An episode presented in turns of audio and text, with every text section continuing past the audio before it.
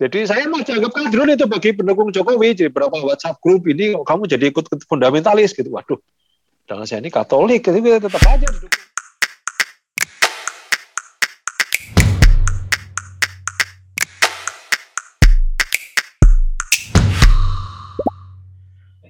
Halo teman-teman, ketemu lagi dengan saya Putu TA Kepala Suku Mojo dan masih zoom-zooman kita. Dan sekali lagi saya minta maaf ya, uh, sudah banyak yang bertanya kalau kualitas videonya menurun, audionya juga ya mau gimana lagi. Bisanya seperti ini sekarang, karena kita taat PPKM pemerintah. Dan tamu kita sore ini adalah aktivis anti korupsi di Indonesia sangat luar biasa. Mas Danang Widoyoko. Halo Mas. Halo, halo, halo. Apa kabar? Sehat semua. Ya.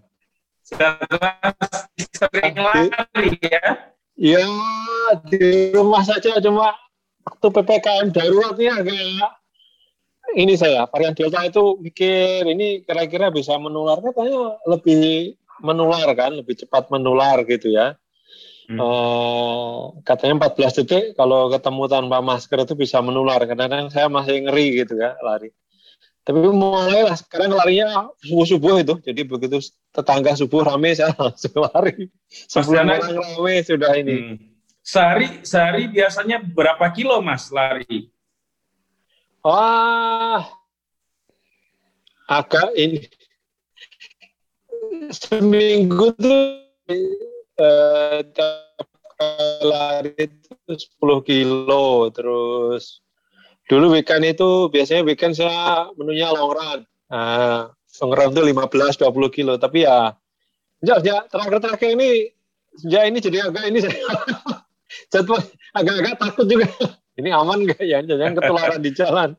Karena tempat yang ya itu kematian pun semakin akrab gitu ya. Jadi kan saya jalan larinya lewat kampung lewat ini. Jadi tiap saya lewat itu mesti bendera kuning orang meninggal itu di perumahan-perumahan ini sering saya lewati gitu sayang banyak gitu ya. Terus di kalau di jalan raya ambulan itu berseliweran.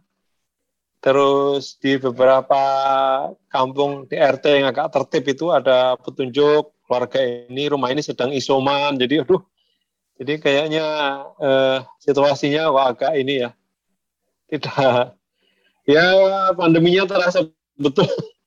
Agak mengerikan ya kayak tunggu giliran. Apalagi.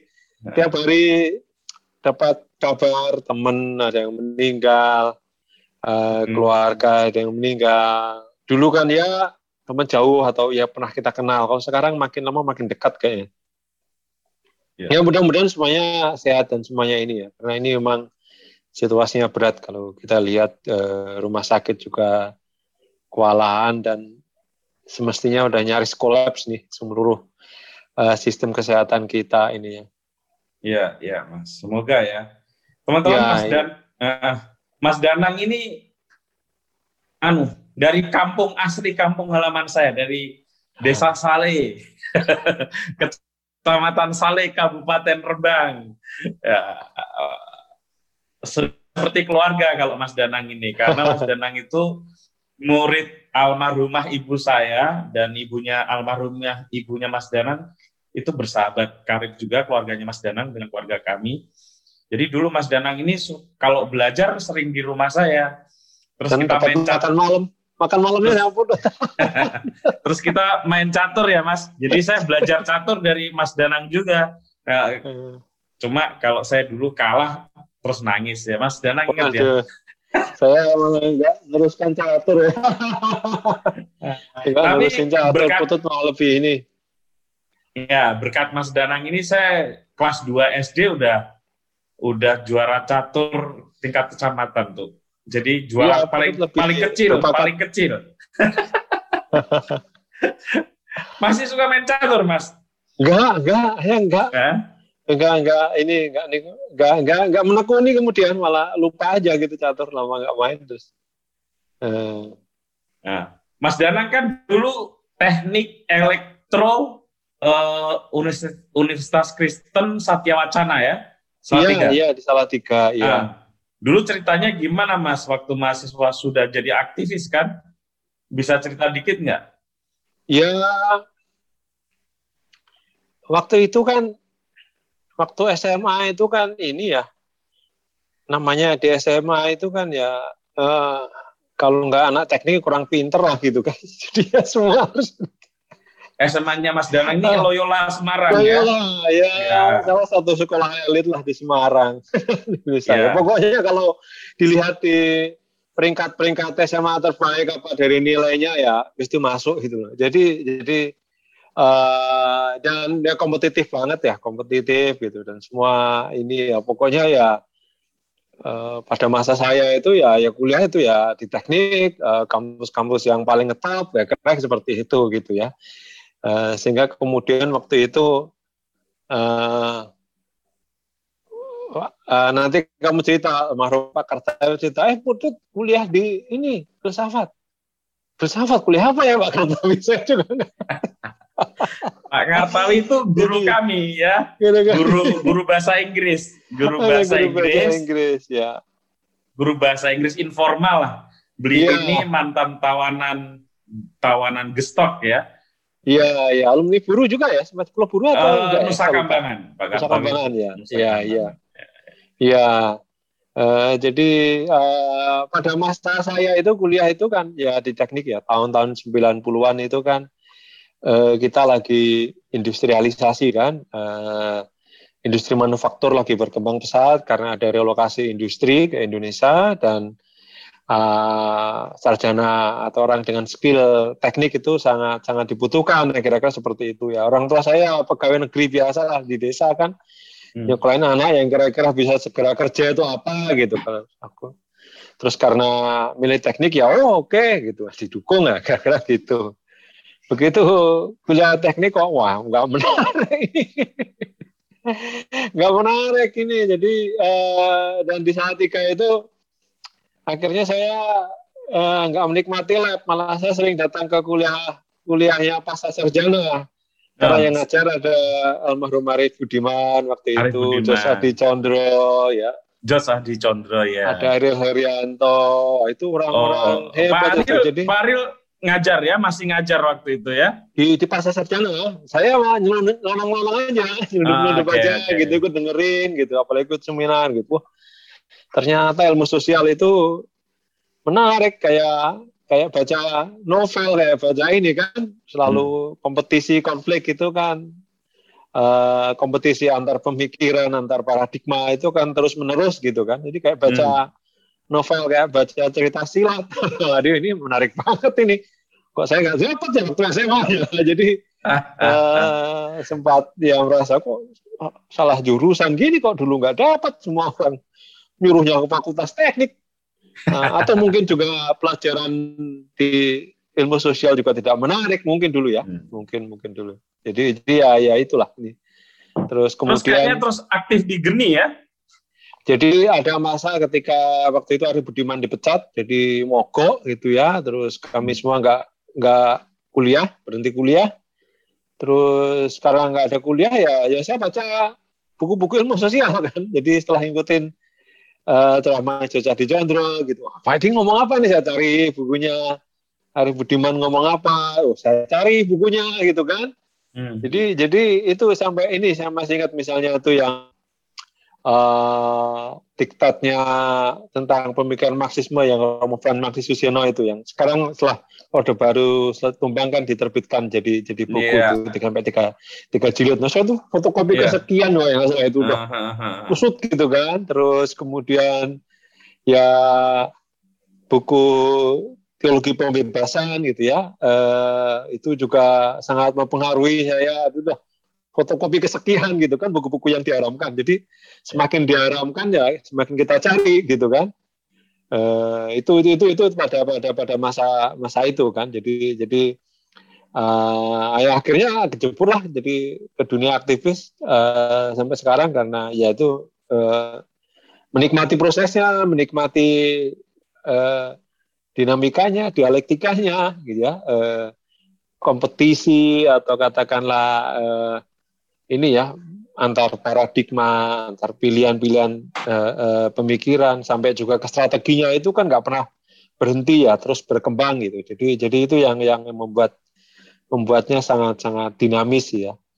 Beda dengan misalnya ilmu eksakta itu ya. Ilmu eksakta itu kalau eksakta itu ya ya metodologinya ya udah itu aja. Kalau di ilmu sosial kan itu selalu bahkan dari metodologinya jangankan temuannya metodologinya selalu diperdebatkan gitu kan. Jadi itu yang jadi artinya itu yang yang yang yang membuatnya sangat sangat sangat menarik ya, sangat hmm. menarik. Terus dari eh. dari sekian isu itu kenapa kemudian Mas Danang kemudian memilih ya untuk masuk ke ranah isu korupsi? Ya antar uh, antara berbagai faktor juga ya. Pertama uh, dan kehidupan juga ya. ya. Mungkin jalannya hidup juga ya. Waktu itu di Salatiga saya ngirim uh, lamaran kerja itu dua, satu ke ICW, satu ke Koran Tempo yang lagi mau di ini. Eh ICW manggil duluan ya udah ke ICW gitu kan. Oke. Okay. Nah, tetapi ceritanya pada waktu itu ya uh, uh, Teten Mas Diki waktu itu kan habis membongkar kasusnya di Galip kan. Jadi jadi menarik ya. Jadi uh, dan ada beberapa kasus korupsi. Jadi uh, jurnalisme investigasi atau investigasi kasus korupsi itu ada momentumnya gitu. Bahwa itu bisa dilakukan dan dipergunakan untuk mendorong perubahan sosial, ya perubahan kebijakan, ya perubahan kebijakan sampai perubahan sosial dan mempengaruhi banyak hal gitu. Jadi jadi pada waktu itu menjadi sangat-sangat uh, uh, uh, menarik ya. Itu kan uh, produknya LBH waktu itu kan.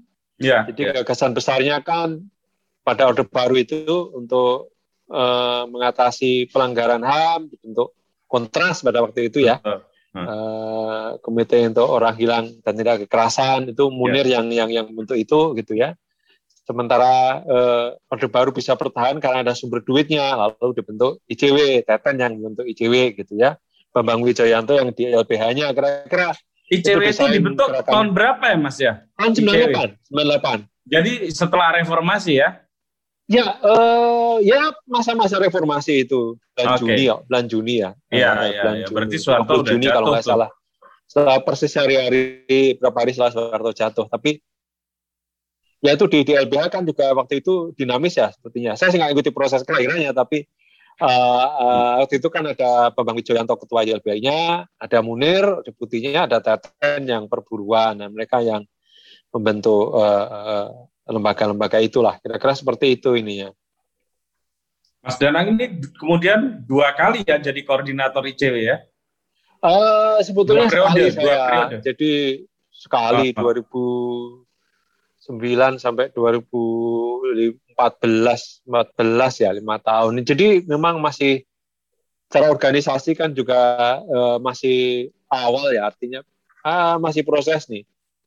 Jadi Teten itu jadi dari berdiri sampai 2009 ya, 10 tahun lah ya, 11 tahun. 11 tahun barangkali ya. Tapi itu kan cara kelembagaan juga, ini bagaimana nih uh, suksesinya satu periode itu berapa tahun, itu kan juga masih bertanya-tanya juga gitu. Jadi organisasi itu kan bertumbuh ya, di, uh, ketika hadir itu tidak otomatis semuanya ada gitu ya. Uh, bahkan waktu itu Teten cerita tuh habis deklarasi ICW foto-foto di depan media habis itu gue sendirian di kantor di meja gue nggak ada orang lain katanya. Buset katanya. Ya ya jadi setelah 98 baru katakanlah 2000 itu uh, ICW punya program ada dukungan pendanaan awalnya dari LBH ya LBH gitu ya uh, ya baru mulai berjalan tuh tahun-tahun 2000-an, 2000-an pertengahan itu baru-baru mulai berjalan ketika saya masuk ke ke ke ICW pada waktu itu. Mas, apa sih yang dimiliki atau dasar kemampuan yang mesti dimiliki oleh seorang aktivis yang bergelut di tema anti korupsi itu, Mas? Jadi uh, tentu macam-macam ya eh, fokusnya bisa bermacam-macam ya. Tetapi uh, satu hal yang yang uh, ini ya teman-teman uh, yang saya tekankan dulu waktu di di, di IJW itu ya uh, pertama bahwa uh, kerja itu adalah belajar ya. Belajar juga bekerja juga. Jadi jadi hmm. itu satu kesatuan. Jadi artinya uh, teman-teman harus belajar terus menerus gitu ya. Karena itu sangat dinamis gitu ya uh, yang sejak awal yang sangat kuat di ICW itu kan analisis hukum. Mengapa analisis hukum? Karena memang uh, pada akhirnya yang namanya korupsi pengaturan korupsi itu kan melalui proses-proses hukum gitu. Sama seperti bisnis lah. Pada akhirnya bisnis itu kan juga mm-hmm. ini bukan orang yang punya duit pasalnya adalah orang hukum ahli-ahli hukum yang yang yang mendesain dan mengatur uh, uh, uh, uh, bisnis ya. Kalau masih ingat misalnya Panama Paper itu kan kantor hukum sebetulnya hmm. uh, uh, yang yang yang terbongkar itu kan. Uh, Artinya kejahatannya itu dimulai dari desain hukumnya ya mas ya? Iya desain kelembagaan. Jadi oh. desain uh, uh, kelembagaannya kan. Jadi misalnya, uh, jadi ini uh, proses korupsinya ini kan makin ke sini pasti akan lebih sulit untuk dilacak ya. Berbeda pada masa Soeharto lalu itu kan karena nggak banyak aturan, nggak terlalu diatur, jadi ya ya dia bikin kebijakan untuk anaknya juga orang nggak bisa protes, protes mau apa juga. Hmm. Kalau sekarang hmm. kan nggak bisa, jadi makin hmm. makin uh, rumit, makin kompleks. Dan di tengah kerumitan itu kemudian memang peran advokat menjadi sangat penting, terutama uh, uh, konsultan hukum ya, bagaimana mereka mendesain ininya, kelembagaannya, lalu kemudian mengatur transaksinya, gitu ya. Terus kemudian ya kalau korupsi ini kan korupsi juga levelnya macam-macam ya. Kalau korupsi di di tingkat kabupaten, pemda atau kota itu kan biasanya di pengadaan itu ya tidak terlalu rumit pengaturannya. Itu kan paling uh, aturan-aturan pengadaan barang dan jasa proses tender atau aturan di APBD gitu ya. Itu itu lebih lebih sederhana gitu ya. Pelakunya juga pengusaha lokal gitu ya paling kalau dia punya duit buat kawin lagi gitu kan buat hmm. ini gitu hmm. kan nggak nggak rumit lah gitu ya Oke. Okay. Uh, eh, atau punya harta ditaruh ke anaknya selain ke istri mudanya gitu gitulah untuk menyembunyikan itu ya. Dan tidak ada urgensi untuk menyembunyikan itu. Tetapi ketika kemudian uh, skalanya makin besar gitu ya, itu itu itu butuh tidak cukup sesederhana itu gitu ya. Butuh uh, uh, skema pencucian uang gitu kan. Pencucian uang pada akhirnya kan harus bentuk uh, perusahaan lain, entitas hukum berbeda gitu ya, lalu kemudian di, di, dibuat transaksinya, lalu uh, uh, seakan-akan ada ada transaksi gitu ya, dan hmm. taksanya seakan-akan legal gitu ya. Hmm. Jadi uh, harus dibikin itu karena ketika semakin besar maka akan ada banyak aturan yang membatasi atau kemudian mengatur secara rinci sebetulnya apa yang boleh apa yang yang tidak gitu ya. Jadi itu yang ini. Belum lagi soal pajak misalnya kan itu kan juga juga di, di, diatur gitu kan di, diatur. Jadi kalau yang perusahaan besar itu kan bukan uh, ngitung pajak itu uh, ya kalau mojok barangkali akhir tahun ini kita bayar pajaknya berapa gitu kan. Kalau besar mm -hmm. kan di awal tahun anggaran ini akhir tahun kita mau bayar pajak berapa. Nah, jadi Betul. Ya, udah di ini ya. udah diatur, udah diatur, udah, udah gitu kan. desain lah. Ya, udah ya, desain ya. gitu kan dan dan desain terus kemudian Uh, itu baru ini kan uh, uh, kalau makin besar lagi kan ini ada di uh, beberapa perusahaan kan juga ditaruh di beberapa negara yang lain dengan tingkat pajak yang berbeda itu yang kemudian disebut praktek-praktek uh, apa uh, tax evasion ya ya apa uh, penghindaran pajak gitu ya. Seakan-akan ini legal gitu tapi sebetulnya itu uh, melanggar aturan pajak gitu. Jadi jadi uh, makin makin rumit sehingga kemudian di situ kemudian uh, dibutuhkan konsultan hukum yang mengatur kelembagaan itu semuanya. Karena aturannya makin lama makin makin makin makin kompleks. Demikian juga soal uh, misalnya untuk mendapatkan kredit itu kan juga tidak sederhana gitu ya. Hmm. mendapatkan kredit dan sumber pendanaan kan bukan cuma dari kredit kan? Uh, bagaimana dengan pengaturan apa uh, mengundang investor lain? Ya, akhirnya kan butuh butuh kesepakatan-kesepakatan hukum ya. Uh, lalu uh, bagaimana uh, uh, menerbitkan obligasi segala macam. Jadi di, di situ kemudian uh, kemudian uh, peran konsultan hukum menjadi menjadi sangat penting. Nah dalam kembali lagi ke, ke, ke konteks ICW tadi ya teman-teman ICW uh, biasanya memang sangat kuat di, di analisis hukum dan banyak bergaul sebetulnya dengan Eh, rekan-rekan uh, konsultan hukum dari dari dari uh, private uh, uh, law firm ya yang, yang banyak membantu juga sebetulnya ini ya. Kalau dulu Mas di ICW ya di di era hmm. Mas Danang aktif entah sebagai mulai dari staff masuk tahun berapa sih Mas di ICW? Itu tahun 2000 sampai 2014. 2000 ya? Hmm. Lama banget itu 14 tahun ya. nah, 15 itu, tahun lah. Ya. 14 15 tahun ya. Apa yang paling banyak disorot oleh ICW waktu itu yang jadi fokus isunya gitu? Apakah Misalnya apakah di legislatif, eksekutif, atau hubungan antara eksekutif dan legislatif dengan bisnis gitu? Ya, uh, saya kira uh, kalau di JW dulu itu kan ini ya sebetulnya yang yang yang menjadi kekuatan ICW ini kan uh, karena laporan-laporan korupsinya itu ya.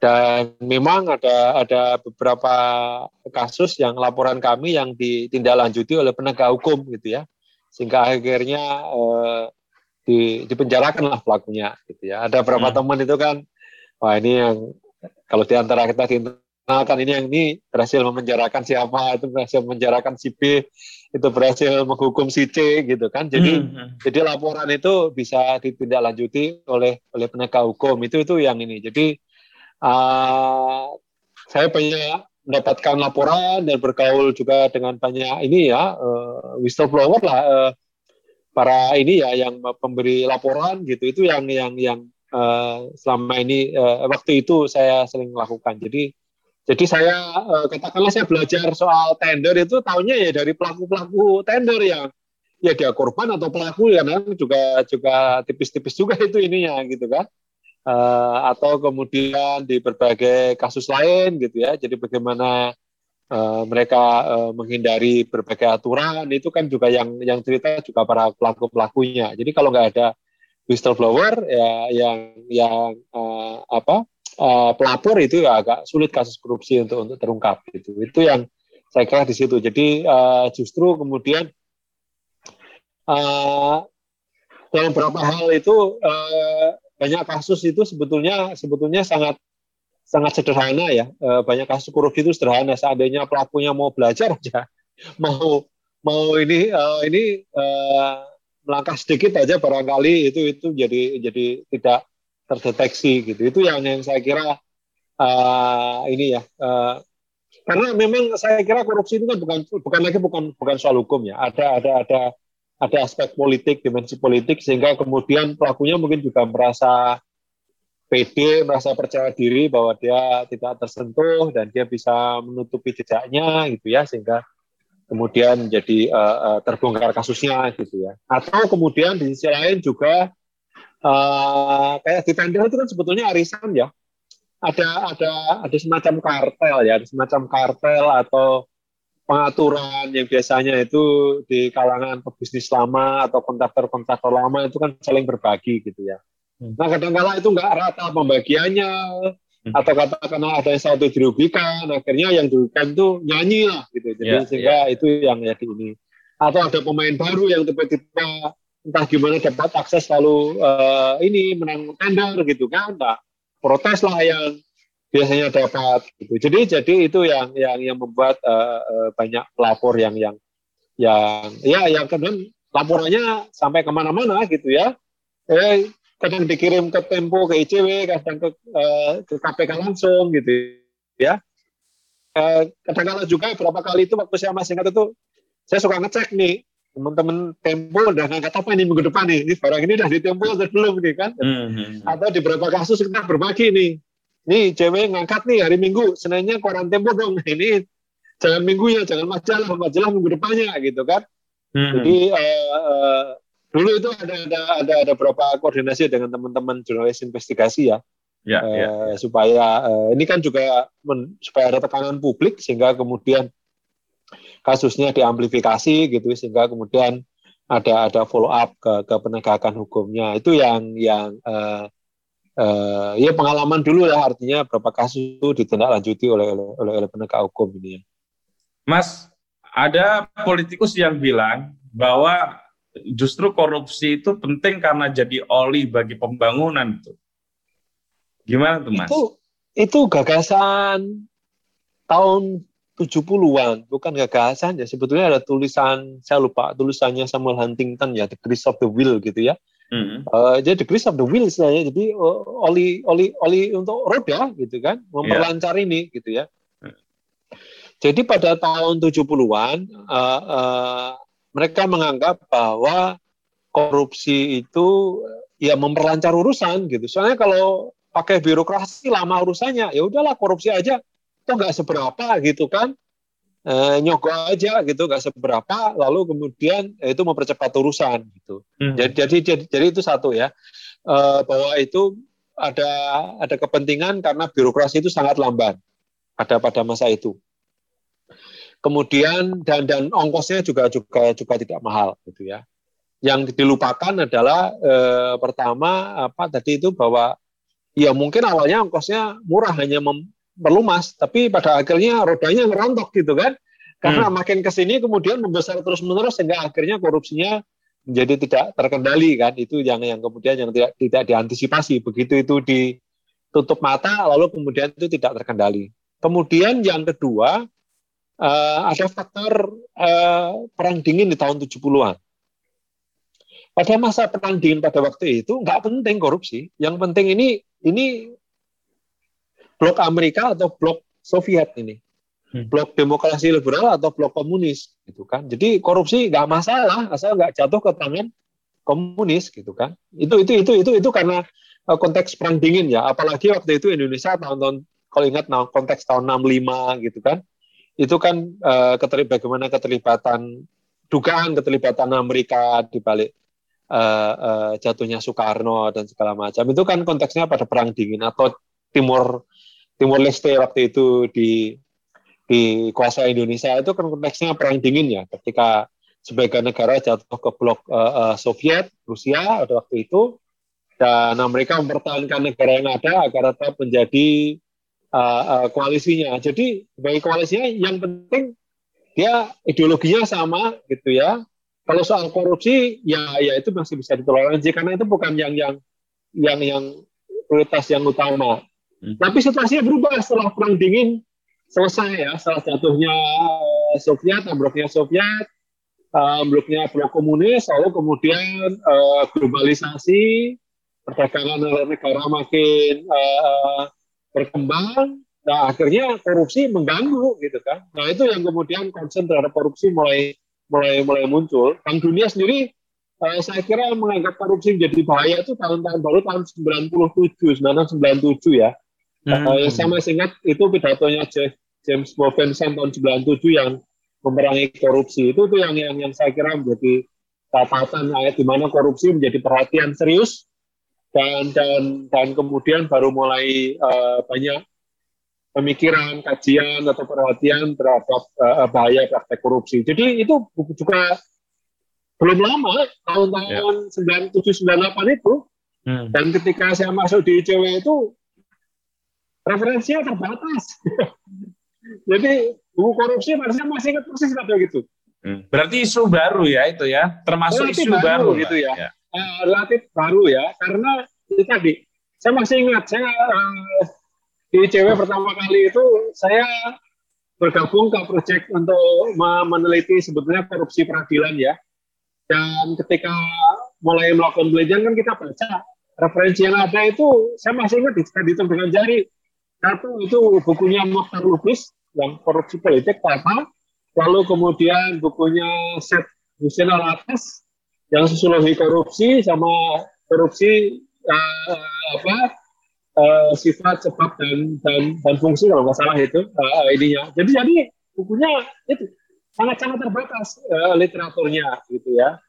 Uh, dan baru mulai kemudian yang uh, pada taraf itu yang cukup berkembang awalnya dari tradisi ekonomi terutama peneliti-peneliti kualitatif yang suka menghitung korupsi ya karena karena ya didorong oleh Bank Dunia pada waktu konsumsinya Bank Dunia kan korupsi mengganggu proyeknya sehingga kemudian uh, rata-rata orang ekonomi jadi dihitung nih berapa sih korupsi. Jadi jadi sangat-sangat terbatas ketika itu. Jadi ini bidang uh, dan perhatian yang yang yang relatif baru sebetulnya apa yang membuat ini korupsi menjadi perhatian dari Bank Dunia apa yang mengganggu apa yang dianggap mengganggu dari korupsi saya kira karena ini ya uh, tadi itu berakhirnya perang dingin jadi berakhirnya perang dingin ini kan praktis tidak ada lagi blok Soviet atau komunis. Uh, kemudian juga sehingga itu globalisasi. Jadi perdagangan dunia global kan terbuka gitu. Kalau dulu kan Amerika cuma berdagang berbisnis dengan uh, ininya ya apa uh, koalisinya saja gitu ya blok blok barat gitu ya. Dan dia ada berdagang atau berbisnis dengan dengan blok oh, komunis gitu. Jadi jadi itu yang ini. Eh sorry ini hujan. Beneran nggak ini hujan Pak? enggak enggak enggak mas. Oh enggak masalah. Sorry sorry sorry. Aku potong soalnya ini keras banget di sini. Ya ya. Uh, jadi jadi sorry aku ulang lagi ya. Jadi yang uh, yang dunia concern dengan pemberantasan korupsi itu karena saya kira tadi perang dingin sudah usai, lalu kemudian globalisasi menjadi uh, relevan karena nggak ada lagi pembatasan perdagangan. Jadi Amerika dengan negara Eropa itu bisa berdagang dengan Eropa Timur, dengan China, dengan Rusia, ya, dengan dengan dengan negara-negara yang ex komunis lainnya, gitu ya. Dan kemudian ini uh, ini kan aliran aliran modal ini bergerak makin cepat gitu kan. Hmm. Nah, ternyata kapital internasional ini modal internasional itu ada sedikit terhambat saat yang mengerem uh, sirkulasi modal internasional itu ya korupsi gitu ya karena yeah. itu membuat ini tidak yeah. alirannya tidak lancar gitu ya dan, dan, dan menghambat sehingga kemudian uh, mendorong sebetulnya program pemberantasan korupsi. Tetapi dalam skema besarnya sebetulnya itu yang kemudian dikenal dengan good governance ya. Good governance itu kan uh, jargon untuk untuk untuk untuk uh, uh, apa liberalisasi perdagangan global ya itu itu uh, targetnya uh, neoliberal gitu ya artinya uh, ada liberalisasi perdagangan uh, debirokratisasi, uh, kemudian deregulasi, penyederhanaan semua prosedur gitu ya. Uh, sebelumnya kan ya birokrasi menghambat, tapi pakai korupsi. Tapi, nah kemudian dengan good governance itu semua di, di, dihilangkan semuanya agar aliran modal uh, mampu mengalir dengan cepat dan kemudian bisa mendorong uh, perputaran uh, ekonomi dan memberikan kesejahteraan. Jadi jadi jadi gagasan besarnya seperti itu. Filosofinya bagaimana ini modal terus mengalir kan kalau ada modal masuk kan membuka kesempatan ya. uh, bagi uh, tenaga kerja tenaga kerja orang bisa konsumsi jadi ada yang produksi ya sehingga kemudian ekonominya makin makin makin tumbuh uh, lebih lebih lebih besar lagi gitu. Mas Danang kan sekarang jadi apa istilahnya ketua ya Transparansi uh, Internasional iya, Indonesia. Iya. Saya di Sekretaris Jenderal Transparansi Internasional oh, Indonesia. Oh, Sekjen ya? Sebenarnya sekjen nggak kalah sama partai ini. uh, nah, Mas, apa sih bedanya fokus isunya atau apanya tuh IC antara ICW ya, dengan TII? Iya, ya. ya. Transparansi internasional ini sebetulnya uh, jaringan dari LSM internasional ya, NGO internasional yang pusatnya di Berlin.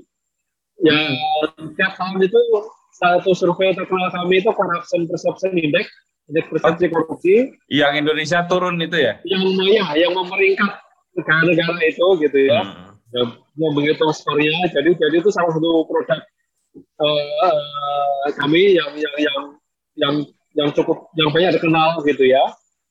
Nah, transparansi internasional ini agak berbeda karakternya dengan dengan ICW ya karena uh, kami lebih uh, kalau ICW ini lebih pendekatannya ke advokasi gitu ya uh, menggalang public pressure tekanan publik gitu ya membongkar kasus gitu ya nah sebaliknya kalau TI ini kami memberikan uh, akses konsultasi memberikan bantuan pendampingan gitu ya sama isunya pembahasan korupsi tapi strateginya berbeda gitu ya. Jadi hmm. Uh, kami mengandalkan studi-studi survei gitu ya untuk menunjukkan persoalannya agar kami punya uh, alas hasil untuk memberikan masukan gitu ya, perbaikan gitu ya. Jadi itu yang yang yang membedakannya. Nah, karena karakter itunya kemudian uh, transparansi internasional lebih low profile, jadi kami bicara ke media itu biasanya hanya melalui kajian-kajian atau survei gitu ya. Kalau di ICW itu uh, dulu tuh saya masih ingat itu ada misalnya uh, hari Minggu itu hari konferensi pers gitu kan. Jadi begitu ketika wartawan itu hari Minggu itu kegiatan berhenti, justru kami harus bikin event karena ya. mendukung teman-teman media sekaligus mengangkat isu gitu ya, terutama ya. di Jakarta. Karena ya. Seninnya adalah harinya para media ya iya iya kan minggu itu kan kasihan teman media kan kan ya, ya nunggu rilis gitu. Jadi ada kerjasama gitu. Jadi jadi ICW itu kenal gitu. Itu strategi ICW LBH gitu ya. Eh, banyak menggunakan media. Nah kalau kami itu muncul ke ke, ke media itu kalau uh, rilis uh, laporan uh, survei atau rilis kajian-kajian uh, itu tuh yang yang yang kami lakukan. Jadi jadi sedikit mungkin memang uh, tidak banyak mencoba. Bukan ini karena memang konsekuensinya berbeda ya. Karena hmm. kami harus banyak melakukan studi kajian jadi memang waktunya untuk uh, katakanlah berinteraksi dengan media uh, atau melakukan menggalang tekanan publiknya itu juga juga berbeda dan caranya juga berbeda juga gitu ya kami banyak uh, berdialog banyak ini gitu jadi misalnya hari-hari ini nih ini kan orang khawatir dengan apa orang prihatin dengan menurunnya demokrasi gitu ya. Uh, kalau teman ICW ini diajak ketemu menteri katakanlah nggak mau, oh, ngapain gitu kan? Jadi harus kita lawan, harus kita ini gitu kan? Demo yang penting ketemunya demo gitu kan. Nah, kalau kami ya, sebaliknya ya harus ditemuin gitu kan siapa lagi yang mau bicara dalam situasi seperti ini gitu kan. Hmm. Ada uh, upaya memberi masukan walaupun situasinya tidak menyenangkan, situasinya memburuk, tapi itu ada satu dua yang masih mencoba ya uh, mengembalikan ini ya, uh, mengembalikan atau kata mengoreksi gitu ya. Nah itu itu itu pendekatannya berbeda gitu ya. Jadi kalau yeah. ICW lah bertemu dengan menteri itu kami harus demo dulu, harus naikin ini dulu, pressernya dulu baru ketemu gitu kan. Saya masih ingat kalau ketemu menteri itu harus habis kami rilis ininya atau kami laporin ke kejaksaan, ke KPK gitu kan. Kalau sekarang ya kadang-kadang aduh kadang uh, ya tidak banyak yang mau gitu kan. Ini ada kajian, ada laporan gitu kan. Uh, tentu tentu berbeda lah ini ya uh, uh, konteksnya dan juga uh, relasinya gitu. Tapi ya memang peran-peran TI memang menjadi menjembatani dan mendorong ya uh, berbagai pihak untuk bersama-sama gitu ya. Demikian juga hmm. misalnya dengan sektor bisnis, kalau yang gerakan seperti IJW kan ya menghindari lah uh, bisnis ini kan juga ya korupsi itu mesti melibatkan eteks tutu tenggo ya, adanya makan kuasaan dan ada yang punya pegang duit kan kan gimana hmm. ketemunya gitu. Nah kalau TIA ya harus kerjasama juga dengan sektor bisnis juga gitu ya. Jadi jadi memang pendekatannya berbeda.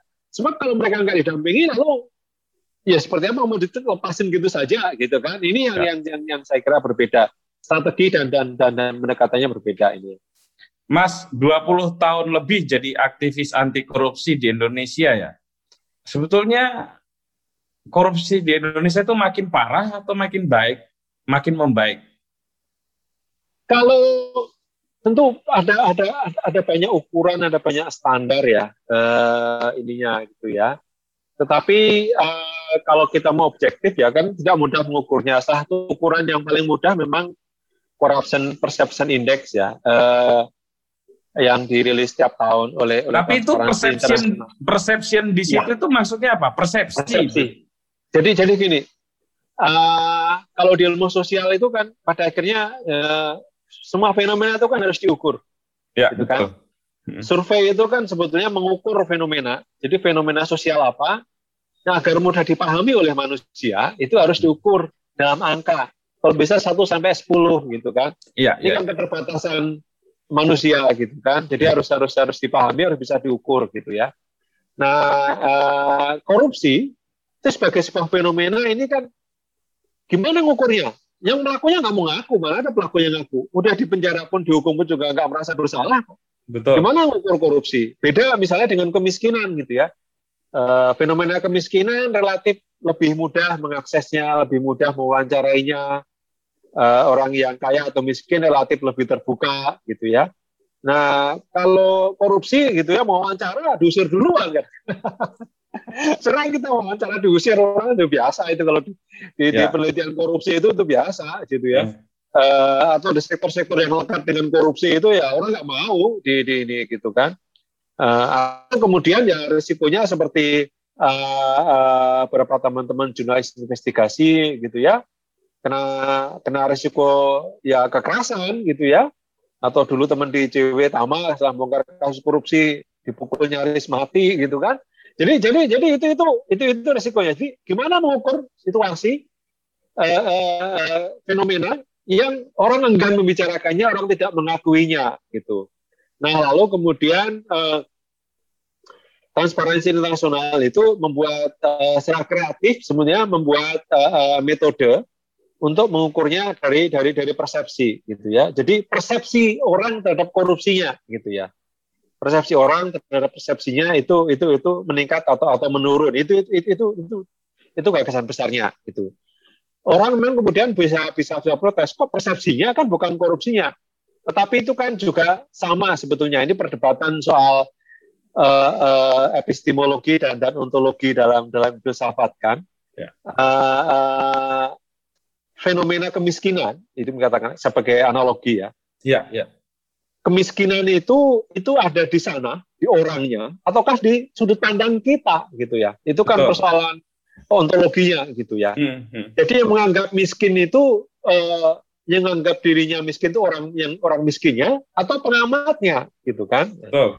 Uh, dalam konteks negara global katakanlah apakah Kuba itu negara miskin hmm. barangkali ukuran uangnya iya hmm. tapi dari indikator lain ya belum tentu gitu kan ya. soal pelayanan kesehatan, indeks-indeks human development indexnya gitu kan. Hmm. Jadi jadi jadi uh, uh, cara pandang apa cara pandangnya itu dari sisi ontologinya itu juga juga menentukan gitu kan.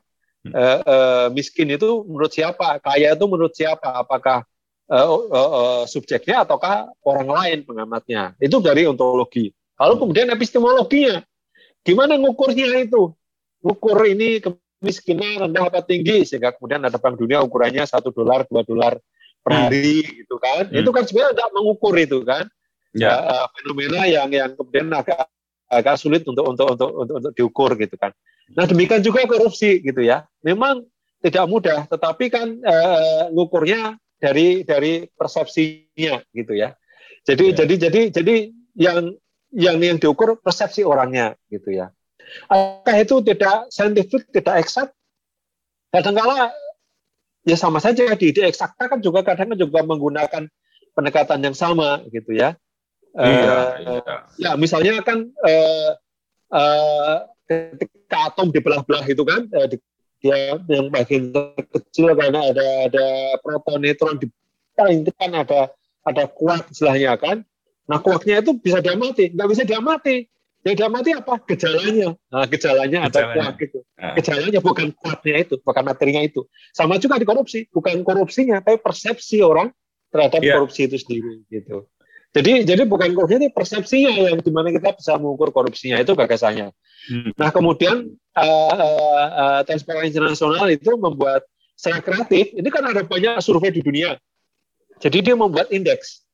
Jadi survei of survei. Jadi orang lain membuat survei lalu kemudian dibikin indeksnya mm-hmm. di, di di adjust disesamakan kan mm-hmm. ada skalanya 1 sampai 5 ada skalanya 10 sampai 0 macam-macam skalanya kan nah mm-hmm. itu yang kemudian di adjust dibikin oleh 0 sampai 10 untuk mengukur uh, uh, tingkat korupsi satu negara sehingga kemudian memang uh, itu itu bisa diukur dan kalau menurut CPI uh, tahun ini kita turun memang tiga tiga poin nah, tahun tahun 2020 ya di, di dipublikasikan awal tahun ini. Tapi kalau dibandingkan dari awal orde baru tentu ada peningkatan gitu ya. Hmm. Uh, ada ada ada ada peningkatan secara gradual gitu ya. Uh, pernah turun sekali tahun 2007 tapi naik terus dan terakhir turun ya tahun 2020 itu uh, uh, turun tiga poin itu itu. Hmm. Mas, jadi secara umum kira-kira ada, ada peningkatan ya. Kira-kira variabel turunnya itu ada hubungannya dengan kasus uh, eh, KPK nggak? Oh iya, oh iya, sangat. Hmm. Jadi itu kan survei indeks persepsi korupsi tahun 2020 ya, 2020. Hmm. Uh, diukurnya itu jadi uh, CPI itu sumbernya 13 survei berbeda, dibikin indeks dari 13 survei yang berbeda. Nah, uh, revisi Undang-Undang KPK itu kan dilakukan pada bulan September ya, kejayaan memanggil itu reformasi hmm. di korupsi kan bulan September Oktober itu kan. Nah, Oktober itu udah nggak ada survei lagi. Survei itu baru mulai bulan Januari Februari. Jadi kerekamnya di tahun 2020 bukan di tahun 2019-nya hmm. gitu ya.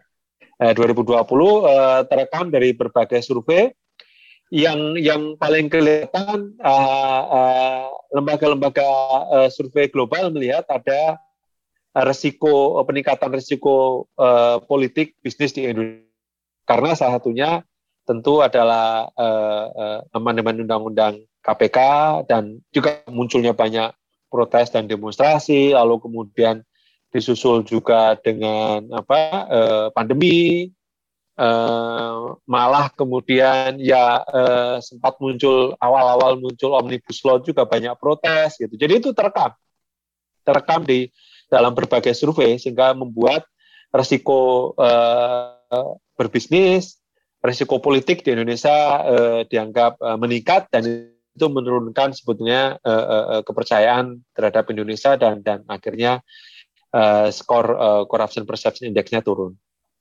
Mas, Sebetulnya yang terjadi di KPK itu sebuah kebijakan yang bagus buat masa depan KPK sendiri atau seperti tuduhan banyak para aktivis ini memang sengaja negara mau menghancurkan institusi pencegahan korupsi eh, agar supaya nanti lebih mudah lagi untuk bagi-bagi kuenya gitu. Uh, itu kan dua kutub ya. yang berbeda ya. Saya kira kita uh, mesti melihatnya dari dari dari agak, agak kompleks, agak-agak makro hingga sampai kemudian di level yang yang ini ya uh, mikro. Karena karena memang uh, tidak bisa dinafikan juga kepentingan Jokowi, presiden, elit, elit politik ya. Tapi saat yang sama juga uh, pertanyaan begini Hmm. Kalau soal mau merevisi undang-undang KPK itu kan agenda sejak lama, sejak zaman SBY juga udah ada itu ya. Betul. Tapi mengapa Betul. baru terjadi pada masa Jokowi gitu? Itu kan ada faktor-faktor lain. Kalau ada faktor individunya, faktor kepentingan politisinya, oh iya gitu kan. Uh, dan sudah sejak kalau, lama kalau ada. Du, kalau gitu kan. dulu SBY kan bilangnya lembaga super body ya. Kalau ya, iya. Ya. SBY pengen, tapi kan juga nggak berhasil juga gitu. Ini ya, yang ya. saya kira Uh, tentu tentu masih masih masih mungkin hipotetik ya. Saya juga belum uh, kita perlu mengujinya, perlu perlu perlu meneliti secara lebih mendalam. Tetapi begini, uh, pertama revisi undang-undang uh, KPK itu dimungkinkan karena di tengah sebetulnya uh, pasang naik populisme global ya. Di di di level global itu muncul banyak pemimpin-pemimpin populis. Ada Donald Trump misalnya itu yang paling penting di di Amerika gitu ya sangat faktor sangat penting gitu ya. Uh, di Inggris juga ada Brexit gitu. Donald Trump kan nggak penting lagi ngomong Amerika kan cepat sulit artinya uh, hmm, untuk Biden menangkan Amerika expect. Artinya Amerika di panggung global dunia ini kembali seperti Amerika yang dulu gitu mulai yeah. memainkan pengaruhnya gitu banyak hmm. keluar. Kalau Trump kan enggak. Dia dia dia perang dagang dia ingin pokoknya Amerika first lah pokoknya kepentingan Amerika. Jadi agak selfish agak memperhatikan isu-isu global gitu. Jadi sempat uh, agak mundur. Jadi di global ada ada ada kecenderungan itu gitu ya dan isu good governance kemudian uh, uh, globalisasi itu dianggap dianggap bukan prioritas utama di tingkat global jadi itu sangat sangat sangat uh, uh, artinya mungkin kalau dulu pada masa SBY SBY ini disorot betul sama internasional kan. Kalau sekarang semua pada sibuk hmm. Masing-masing, apalagi sekarang pandemi. Sebelum pandemi aja semua udah pandemi. Ya. Sebelum pandemi itu pun kan hmm. semua uh, uh, sibuk nyelamatin diri sendiri kan. Uh, Amerika mikir dirinya sendiri karena krisis gitu kan. Uh, justru Cina yang sibuk uh, pakai BRI itu Belt Road Initiative gitu ya. Jadi ya. jadi yang yang banyak mainkan uh, uh, uh, pengaruh di, di global gitu kan. Jadi jadi ini. Jadi ada ada gelombang pasang sebetulnya populisme. Kemudian yang yang yang kedua eh, saya kira eh, di domestik sendiri gitu ya ada faktor-faktor penting juga yang yang yang yang masih di ini gitu ya. Artinya uh, revisi itu kan dilakukan itu uh, menjelang berakhirnya periode pertama Jokowi. Bulan bulan-bulan September saya kalau nggak salah gitu saya lupa tanggalnya. Uh, dilakukan dengan cepat semacam blitzkrieg kalau serangan militer gitu 10 hari. Jadi nggak sempat konsolidasi demonya pun juga ada diketok baru pada demo. Uh, kejayaan memanggil demo reformasi di korupsi udah diketok semua itu di DPR gitu kan. Dan dan tentu itu ada ada ada kesepakatan politik. Nah semua pihak masih mengharap jadi bagian dari koalisi di periode keduanya Jokowi gitu ya. Jadi uh, tidak ada dukungan dari elit. Uh, elitnya sangat solid mengharapkan bagian dari periode kedua gitu kan ruling coalition. Nah berbeda pada masa-masa SBY dulu berbagai macam inisiatif dilakukan ketika sebagian tidak solid sehingga kemudian ketika ada protes di elit sendiri juga tidak kompak gitu ya jadi uh, protesnya juga muncul dari elit yang paling kelihatan apa televisi pada masa SBY semua Metro TV, ya? TV One menghabisi ya. SBY, padahal koalisi itu kan. Uh. Nah kemarin kan enggak.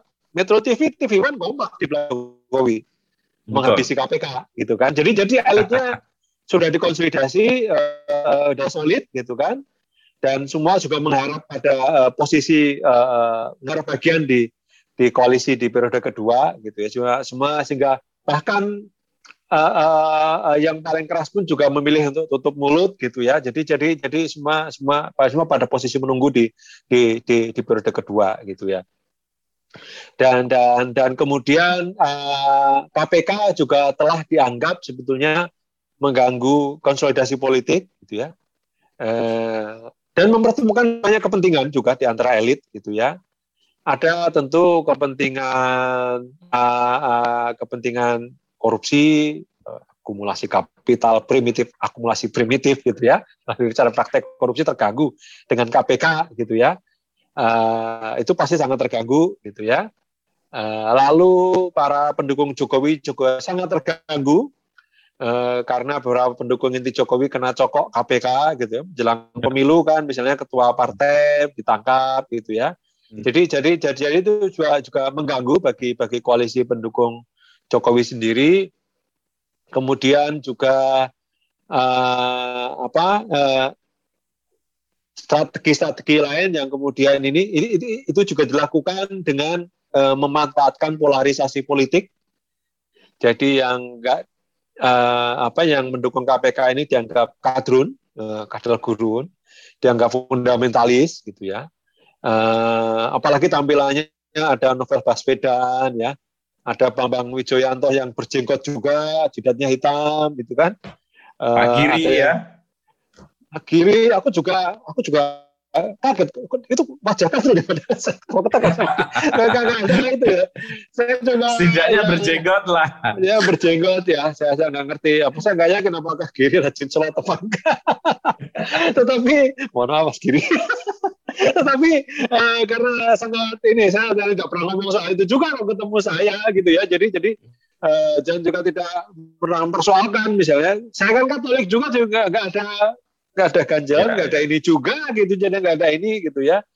Jadi saya mau anggap kadrun itu bagi pendukung Jokowi. Jadi berapa WhatsApp grup ini kamu jadi ikut fundamentalis gitu. Waduh, jangan saya ini Katolik, tapi tetap aja didukung dianggap bagian itu gitu ya. Jadi ya, jadi itu memanfaatkan polarisasi, manfaat polarisasi politik, lalu kemudian uh, dilakukan dengan cepat dan uh, menggunakan uh, cyber army yang itu uh, cyber army yang dipakai dalam pemilu 2019 dipakai untuk uh, menghabisi KPK gitu ya. Iya, sama dan, dan hmm. ya pasukannya sama gitu, basernya sama gitu ya.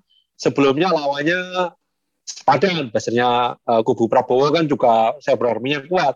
Ya. Nah teman-teman mendukung KPK ini kan ya uh, diserbu ini kan juga kelabakan juga saya kan juga nggak nggak di ICW, saya juga menghindar. Tapi kan diserbu juga saya. Ya kalau di WhatsApp grup saya ngambil pusing. Tapi tiba-tiba sampai juga ke WhatsApp grup saya, ke media sosial saya, di wall saya, di Facebook, di Twitter, semua di di tag gitu, di ah. Instagram semuanya diserbu saya. Jadi jadi uh, ini gitu. Padahal saya juga eh, pernah di ICW, pernah jadi koordinator, dan saya juga tidak memilih untuk uh, biar teman-teman ICW lah yang yang di depan. Tapi tetap diserbu juga gitu. Artinya kan memang ini kekuatan yang sangat besar gitu ya. Uh, dan prosesnya dengan sedemikian cepat sehingga proses konsolidasinya juga uh, uh, agak terlambat gitu ya. Karena memang cepat sekali gitu, cepat sekali dan dan dan uh, uh, ya setelah disahkan baru baru gerakan muncul. Memang butuh waktu juga ya untuk memanasi.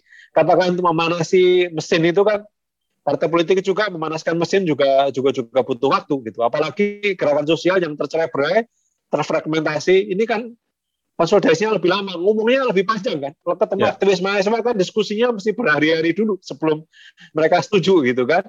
Ketemu rekan-rekan dari serikat buruh itu juga uh, cukup lama juga meyakinkan mereka bahwa ini terkait juga dengan kepentingannya mereka gitu kan. Jadi jadi jadi itu ketika proses konsolidasinya sudah tuntas, uh, sudah selesai semua proses politiknya, proses hmm. konstitusionalnya, proses hukumnya sudah selesai semuanya, sehingga silahkan ke MK gitu-gitu. Jadi jadi jadi, jadi itu yang yang yang yang dilakukan. Tetapi uh, saya kira gini, jadi ini mengembalikan uh, kita bahwa menyadarkan kita bahwa sebetulnya pemberantasan korupsi itu bukan sekedar uh, ya membenahi aturan, memperbaiki tata kelola regulasinya. Ini ini soal perjuangan membatasi kekuasaan. Karena siapa pun yang memegang kekuasaan pasti pasti enggan lah diawasi gitu kan. Hmm. Ya sama juga secara personal waktu di ICW itu saya kan uh, yang namanya rapat tahunan itu sebenarnya rapat pengadilan buat saya diadili sama saya sama hmm. teman-teman gitu kan sialan anak-anak muda lulus di, di rapat tahunan itu pasti aduh galak galak politik saya galak galak gitu kan dulu saya masih kata Febri Donald itu masih culun-culun gitu kan baru setahun saya ikut waduh di rapat tahunan saya di di debat habis-habisan gitu kan ya. Tapi hmm. tapi tapi itu kan proses demokrasi yang harus dilalui agar agar berjalan ya. Demikian juga di, di, di, di level negara gitu. KPK ini mengganggu kemudian akhirnya gitu ya karena dia bisa menangkap, bisa bisa dipakai untuk kepentingan lain gitu kan dan dan juga uh, bisa uh, apa di luar kontrol gitu tidak bisa dikonsolidasi karena posisinya kan lembaga independen. Sebetulnya yang yang membahayakan dari KPK itu bukan dewan pengawas bukan apa tapi posisinya sebagai lembaga eksekutif ya dan terakhir ini kan yang TWK itu yang uh, pegawainya adalah ASN itu yang saya kira uh, dampak yang paling mengerikan dari amandemen undang-undang KPK okay. ya, karena hmm. kemudian hmm. uh, kinerjanya pasti akan turun uh, dari berbagai ukuran pasti akan akan turun dan dan uh, ya KPK akan akan jadi seperti uh, kejaksaan atau kepolisian gitu. Uh, kalau yang yang uh, ke depan yang menurut saya perlu diwaspadai adalah karena KPK ini bagian dari eksekutif, ini artinya KPK bisa dipakai oleh siapa pun yang memegang kekuasaan eksekutif. Artinya Nah, itu yang harus diwaspadai sebetulnya abuse of power gitu kan. Karena ya, ada pengendalinya ya, ya. gitu kan. Ya, betul. oh dulu teman-teman politisi kan ini KPK tebang pilih ini kan penyalahgunaan wewenang gitu kan. Ya ini kan lembaga independen yang nggak ada yang bisa menyetir. Kalau sekarang dia di bawah eksekutif di bawah presiden. Jadi eh, siapa kasus yang maju kasus yang mundur itu bisa sangat ditentukan oleh yang memegang kekuasaan. Dan kita saksikan misalnya PSTBK itu menyasar bukan hanya mereka yang dianggap uh, kadrun, dianggap fundamentalis, tapi juga yang megang kasus besar gitu kan. Jadi ada yang Kristen, ada yang ada yang Cina juga, nasikat juga, kalau lulus TBK juga gitu kan, ada teman Gus Durian juga. Ya, jadi ya ya ya ya ya itu tuh yang yang yang yang kita lihat sekarang dan dan dan tidak peduli mereka semuanya kan. Jadi ya, ya itu yang jadi ini yang saya kira justru berbahaya kemudian. Hmm. Eh, jika kemarin posisi kita civil society masyarakat itu mendukung KPK, saya kira mulai sekarang justru kita mengawasi KPK agar KPK jangan sampai disalahgunakan. Ingat KPK masih bisa nangkep KPK masih bisa nangkep, masih bisa nyadap gitu kan. Dan dan itu berbahaya gitu kan, berbahaya. Sebenarnya sebenarnya sama seperti kejaksaan dan kepolisian gitu ya. Tetapi ini kan uh, artinya uh, siapa pun yang memegang eksekutif ini punya tangan baru. Ya kalau dulu tangannya cuma dua, jaksa dan polisi, itu sekarang punya tangan namanya KPK gitu ya. Hmm. Dan justru saya kira ke depan justru ancaman bagi bagi bagi demokrasi. Jadi amanah revisi dan pelemahan KPK itu sebetulnya adalah pelemahan terhadap uh, uh, lembaga akuntabilitas kan hanya kan KPK yang bisa memaksa akuntabilitas dengan demikian ketat pada pemerintah. Kalau nggak nurut bisa ditahan ini, bisa ditangkap. Ini kan ya, uh, ya kalau mojok kan cuma nyindir-nyindir aja. Kalau hmm. ICW cuma teriak-teriak aja gitu kan. Hmm. Kalau KPK hmm. bisa nangkep gitu kan. Nah, nah itu makanya kemudian uh, eh, KPK dalam tanda kutip harus dikendalikan dan mengendalikannya ya dengan revisi dan amandemen uh, undang-undang itu yang kita artinya sekarang ini. Artinya nanti presiden kalau misalnya lancar ya memang ada pemilu presiden tahun 2024. Jadi presiden yang akan jadi tahun 2024 sudah bisa menyetir KPK ya. Sekarang pun juga bisa, harus nunggu 2024. Sekarang pun juga bisa gitu ya. Uh, karena dia, berada di bawah uh, eksekutif. Ingat ASN ya. Uh, ya tapi, tapi kan ini masa transisi, ini kan masa transisinya kan termasuk TWK segala itu kan sebetulnya untuk membersihkan mungkin anasir-anasir lama ya, gitu kan. Ya. Nggak bisa diatur. Iya. Nah, itu kan ya, ya butuh waktu lah yang namanya ya. apa eh, transisi kelembagaan yang sudah berumur cukup tua juga kan KPK. Artinya yang nanti benar-benar bersih dalam tanda kutip juga yang siap untuk disetir adalah penguasa tahun 2024 ya. Iya, saya, saya kira ke depan akan akan akan itu. Jadi uh, uh, bisa menggunakan KPK lah untuk kepentingan uh, politiknya. Karena ini bagian dari uh, eksekutif gitu ya. Dan demikian juga dari sisi uh, ini uh, kelembagaannya ini kan ASN sudah sudah ini. Jadi uh, posisi independensi KPK ini dulu. Jadi itu kan uh, yang beredar di media sosial yang dikerakan Basir ini kan wadah pegawai ini kan gerakan liar atau apalah. Padahal itu ada di aturan-aturan KPK gitu, peraturan internal di, di, di, KPK. Karena ini lembaga independen gitu kan. Jadi eh, dia bukan eksekutif, bukan legislatif dan tidak bisa jadi anggota Korpri. Nah kalau sekarang ya itu anggota Korpri gitu. Nanggap KPK itu ya sama seperti nggak ada bedanya dengan kantor kelurahan di Jogja atau kantor kecamatan di Jakarta. Ya atau gitu. perusahaan tertentu lah ya, kan ada iya, serikat ya, serikat pekerjanya juga ya serikat pekerjanya korpri kalau mereka nggak nurut kan bisa dimutasi hmm. seperti pegawai negeri yang lainnya gitu nah ini yang saya kira membuat KPK akan kehilangan independensinya gitu pegawainya nggak akan mungkin mengatakan tidak setelah ini ya, eh, dia akan uh, ini jadi ya kalau enggak ya dia bisa dimutasi gitu kan sama seperti ASN lainnya hmm. hmm. oke Mas Danang sudah hampir sejam ternyata obrolan kita. Mas terakhir bagi-bagi dong kiat kok lari tiap harinya bisa sampai 10 kilo gitu? Aduh, aduh, bukan larinya saya, uh, lari itu uh, jadi bukan jadi karena saya diet, jadi saya agak ringan gitu, jadi jadi jadi, jadi bisa lari. Sebelum jadi kalau diet, saya, saya sebaiknya diet dulu atau lari dulu? Iya, jangan jangan lari, bahaya resiko lututnya, bahaya, lututnya. Ya? Jalan kaki aja, yang penting olahraga. Ya, kalau jalan, jalan kaki, kaki tiap pagi aku Jalan kaki ya, pagi nanti masih, kalau masih. kalau uh, badan turun otomatis lari sendiri. Tapi kalau jalan kaki, tapi kalau jalan kaki atau olahraga, Mas bawaannya malah pengen makan terus. Nah itu itu itu itu itu itu, itu dietnya. Jadi jadi aku kira ya inilah uh, perlu perlu belajar diet lah, perlu belajar diet. Saya selama pandemi ini banyak ngeliat ini nih apa aderai gitu kan, oh bagus banget itu. Ternyata uh, saya ngikutin tuh. Oh Mas Mas gitu. Mas Dana pengen jadi kayak ada bukan, bukan, juga bukan, nih. Bukan bukan bukan salah lo. Coba coba lihat coba lihat ada di di di edisi. Aku nonton aku nonton. Ini lebih banyak ngomong iya, soal dia. Dia menerangin. Diet itu bukan bukan bukan angkat beban ya saya nggak bisa angkat beban. Tapi proses diet yang yang yang agak make sense, yang alami gitu ya, artinya uh, mengurangi makan atau katakanlah uh, intermittent fasting itu ya bapak di di Sale kan sebetulnya itu intermittent fasting itu namanya. Ya, ma maksudnya bapak iya, saya, iya, iya. bapak saya kan ya, hari. Bapak saya bapak saya puasa setiap hari. Iya, jadi itu intermittent fasting sama yang puasa yang dilakukan ya, oleh Adire juga gitu ya. Cuma beda tapi, jamnya aja.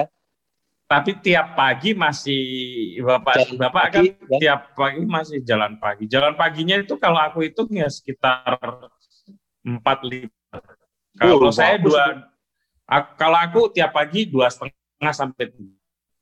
Ya, oh, uh, dulu kan juga, dulu kan juga. Kan, oh nggak bisa ya? Uh, pelan-pelan. ya kan masih masih overhead. Uh, Overweight, pelan-pelan, eh, pelan-pelan. Tapi intinya jaga makanan sih, jaga makanan. Karena ya, ya saya meninggal karena jantung. Ibu saya kemarin meninggal karena diabetes. Jadi itu sangat sangat penting bagi saya. Uh, saudara saya, Iya. ibu saya itu juga diabetes. Jadi ada inilah eh, ya saya nggak tahu pakai apa apa bapak ya saya punya resiko gitu jadi jadi itu Iya. Iya. Pokoknya sehat selalu lah Mas Danang ya. ya salam, buat, sama-sama salam buat keluarga. sama-sama salam Oke, ya, Ali ya. diajeng ya ya, Ya, ya. sama yuk Yuk Mas Danang. yuk yuk Oke, teman-teman, itu obrolan saya dengan Mas Danang Widoyoko yang 20 tahun lebih jadi aktivis anti korupsi di Indonesia. Semoga bermanfaat bagi Anda dan ketemu lagi dengan tamu-tamu saya selanjutnya. Sun Mas.